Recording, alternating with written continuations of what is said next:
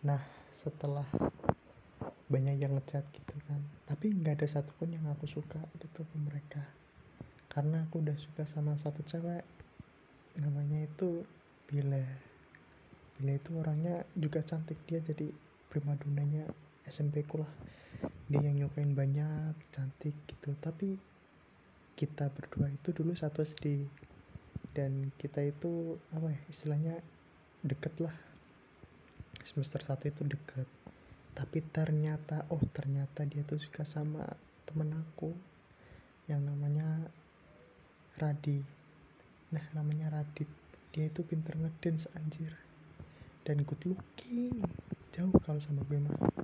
Jadi ya otomatis dia temen gue yang ya orang yang aku suka namanya Bila itu suka ke Radit itu. Nah akhirnya mereka berdua pacaran